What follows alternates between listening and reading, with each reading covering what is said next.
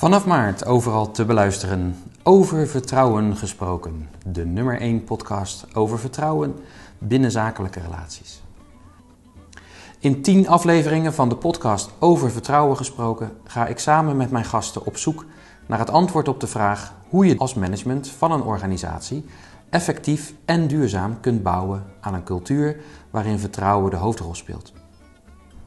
Wetenschappelijk onderzoek wijst namelijk uit dat organisaties waar sprake is van hoog vertrouwen bewezen een 50% hogere productiviteit kennen, tot wel 13% minder ziektedagen en tot wel 40% minder uitval door burn-out.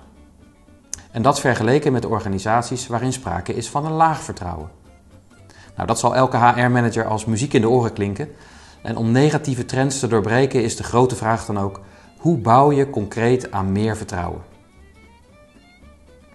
Mijn naam is Daniel Seesink. Over vertrouwen gesproken, ik observeer al jaren het gedrag van mensapen. En de overeenkomsten tussen apengedrag en dat van mensen, die zijn voor mij een bron van inspiratie. Ik houd professionals tijdens lezingen en masterclasses in de dierentuin dan ook graag een spiegel voor. En met name het vlooien dat apen doen, is voor mij direct gelinkt aan het duurzaam bouwen aan vertrouwen. In een van de afleveringen besteed ik uitgebreid aandacht aan de vraag wat managers daarvan kunnen leren. In over vertrouwen gesproken praat ik onder andere met Anne Geiser. Anne is profiler en partner bij INSA Consultancy. Anne weet als geen ander hoe je lichaamstaal en gezichtsexpressie moet lezen en interpreteren en wat daarin de valkuilen zijn. Een vraag die ik haar zal stellen is: welke non-verbale kenmerken maken nu dat ik iemand meteen wel of juist helemaal niet vertrouw? Peter Brown is een van mijn andere gasten. Peter heeft zich als forensisch psycholoog zijn hele werkzame leven ingezet om van zijn TBS-kliniek een vertrouwde omgeving te maken voor de bewoners. Zijn aanpak is uniek en draait volledig op het duurzaam bouwen aan vertrouwen.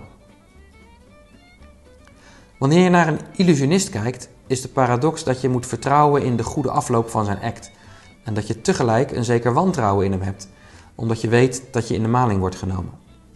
George Parker is uniek in zijn soort. En met zijn wet van de mentale zwaartekracht toont hij aan dat je niet altijd moet vertrouwen op wat je ziet. Hij helpt daar bedrijven een end verder mee.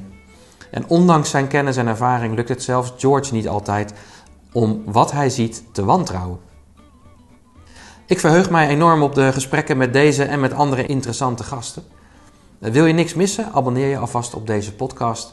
En in maart wordt dan de eerste aflevering online gezet. Ik hoop je dan weer te treffen.